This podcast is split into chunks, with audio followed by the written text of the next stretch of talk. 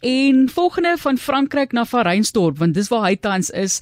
Floksel Jesus aan die woord en hy het beide vir die Springbokke en die SA7 span gespeel en vir die afgelope 4 jaar is hy die skopafrigter van die Franse nasionale span. En ja, 'n groot span, 'n sterk span, 'n span waarvoor die ouens bietjie bang is en soos ek nou vir jou sê, Flok, ek het uh, vir 'n groot voormalige Springbok in 'n restaurant onlangs gevra wel dit was 'n Fransman wat die vraag gestel het ook wat hier gekuier het.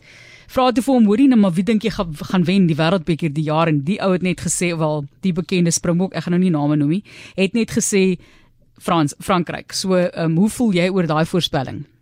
Ai, weet ek kon sy voorspelling vat en dit kan waar wees maar uh, Martelie so ja, so dit is 'n groot jaar en hulle sê ons het een van die gunstelinge maar uh, ons wil maar nie na dit kyk maar dit is 'n groot jaar wat voor lê.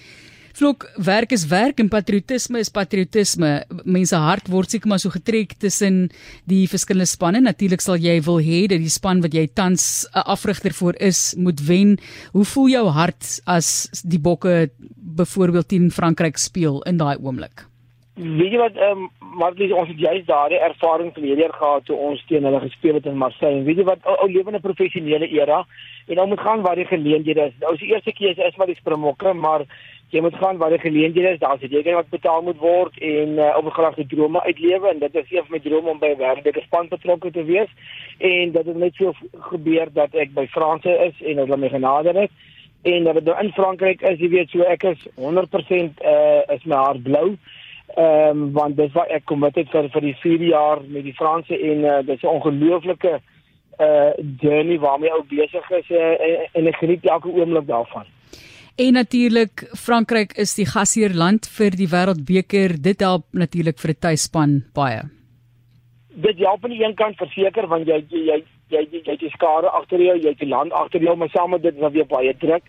Uh ons het dit reeds oor die laaste paar jaar en veral vir jare ervaar hoe die media dit opbou, die media speel 'n groot rol in opbou die verwagtinge wat die Franse publiek het en dat die Franse publiek weer begin glo oor die maar hierdie span heidaglik het het dit wat dit vat om 'n moontlikheid van 'n wêreldbeker te kan wen. Dit is 'n goeie kans in die land sit met goeie spelers. So al die goed bou op en gee ekstra druk, maar ons is opgewonde oor alles. En dit van jou perspektief as die skopafrigter, is dit 'n skopspel op hierdie stadium of is dit meer geharde rugby wat gespeel gaan word dink jy?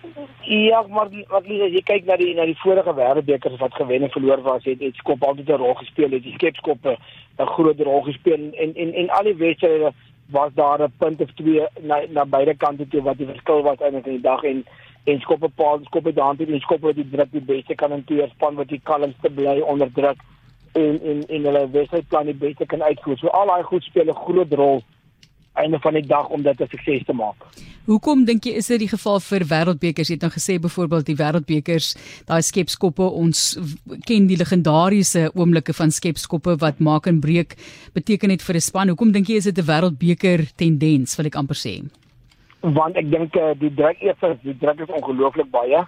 Tweedens, uh, alle spanne se verdediging is, is is is baie beter en skerper want die spanne besef hoorie as ek spanne kan uithou om drie te druk teen my, Ehm um, beteken ek is langer in die wedstryd, beteken ek ek kry 'n beter kans en geleentheid om dalk die wedstryd te wen kan eers af. So al hierdie goed is is 'n speel 'n rol hoekom skepskoppe einde van die dag eh, 'n uh, groot rol speel want jy kan dalk 3 druk, jy druk minder 3. So eers moet jy op 'n ander manier punte aanteken.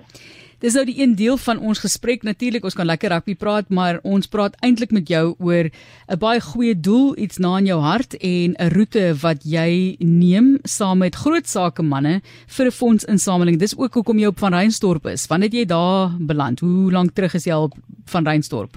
Ja, dit het ek dan al vir hierdie jaar in die Tankwa Karoo fiets gaan ry. Jy vir dit en ons het verlede jaar geslaag maak hier by Lesatsi Lots hier by Reinstorp geslaag. 'n Ongelooflike mooi plek ehm um, wat ek enige mense aanbeveel om te kom en en en een van die ouens hierso eh uh, Jaco Lou het met 'n voorstel gekom een aand toe sy glas rooiwyn drink en sê nou kom doen nie volgende jaar die fietstoer hier en doen net 'n funksie nie. Ja het gevolg van 'n glas rooiwyn het dit toe uh, gerealiseer en nou sit ons hier en môre aand doen ons 'n groot funksie en ons doen 'n groot event eh uh, en om geld in te samel om om behoeftige studente te help om verder te gaan studeer Kom ons praat bietjie oor jou liefde vir fietsry. Is dit iets wat jy doen? Is dit iets wat jy doen in Frankryk byvoorbeeld? Hoekom spesifiek 'n fietstoer?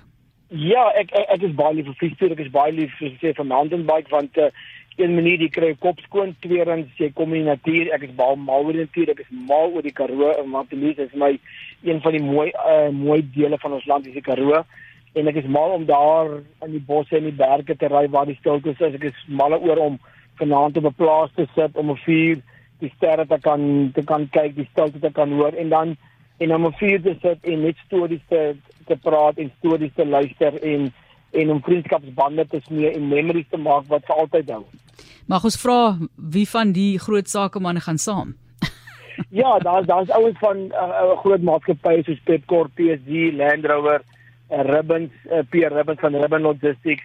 Ehm um, jy weet uh, Karl Brown van die sewe kaptein ry saam, Bretton Pols is betrokke wat saam ry.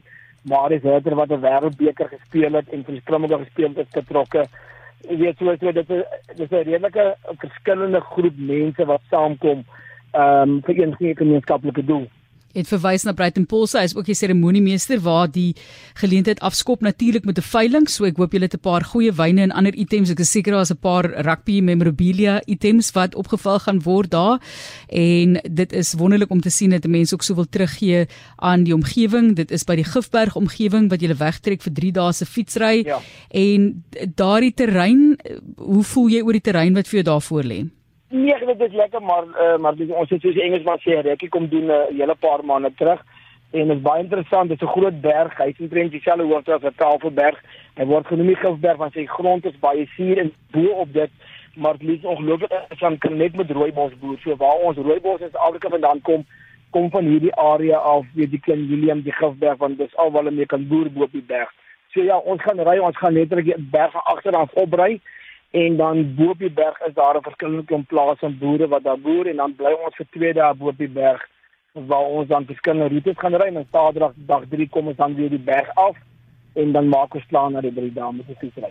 Ag net laastens ook van jou kant af vlok, wel ons gaan dalk vir 'n bietjie vra oor Frankryk en hoe baie Suid-Afrika toe kom nog, maar Daar was twee verdienstige studente wat verlede jaar gehelp is deur die fondsinsamelings van julle kant af. Julle tree as mentors op in hierdie gemeenskapsbeweging ja. en betaal vir hulle studies en help ook dat hulle graad vang. So vertel vir ons hoe gaan dit met die studente? Dit gaan goed met hulle. Ek weet van hulle is in hulle tweede jaar, van hulle is in hulle eerste jaar en derde jaar. Tans het ons vyf studente wie na ons kyk finansiëel en ons tree mentors op. Ons kon twee bygevoeg het verlede jaar. So dit goed. So ons sien hulle uit tot hulle graad vang wat oor 2 3 jaar is. En dan wil ons ons ander groot begeertes om kyk as gevolg van hierdie funksie en sukses van die hele storie. Kyk ons nog een of twee ekstra studente aan boord kan neem maar mens as jy weet dit finansiëel gaan dit swaar buite. Nie almal kan 'n seun of 'n dogter na universiteit toe dit kos regtig baie geld. En nie almal kan eers aanklop by 'n deur en sê hoor jy wil net my betaal? Hoe kan my ja ek wil graag gaan studeer nie. En uh, dit is klein verskille wat ons kan maak in in in in studente se lewens of in 'n persoon se lewe of in 'n familie se lewe om te sê hoorie maar kom ons stel daardie check op en en kom ons stap op pad met julle en ons is ook 'n mentor vir julle en ons wil graag sien dat julle net graad vang maar dat julle ook 'n beter persoon persone word einde van die dag. En en dis waar vir ons gaan om om om mense te help en mense te verbeter. En natuurlik wil ons vir julle volg kan mense bietjie kyk waar julle gaan ry oor daai periode van tyd en bydra. Ja, verseker ons op Facebook page uh Cycle Hoof Vlogskop.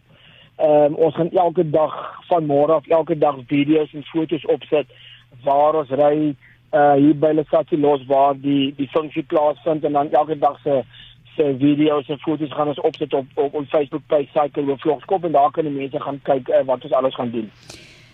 Vlog, ek wil vir jou sê sterkte vir die afrigting. Ek gaan sê sterkte vir die fiets vir die fietstoer, maar ek gaan nie sê ek hoop dit gaan goed definitief met jou. Maar uh, my my brein en my hart lê maar nog steeds by die bokke, maar sterkte vir jou in die pad wat voor lê en in die groot groot jaar vir jou as skopafrigter van die Franse nasionale span baie dankie Marlies. Geen probleem met jou hart en in jou kop uh, groenesie. Ek verstaan ek verteer dit.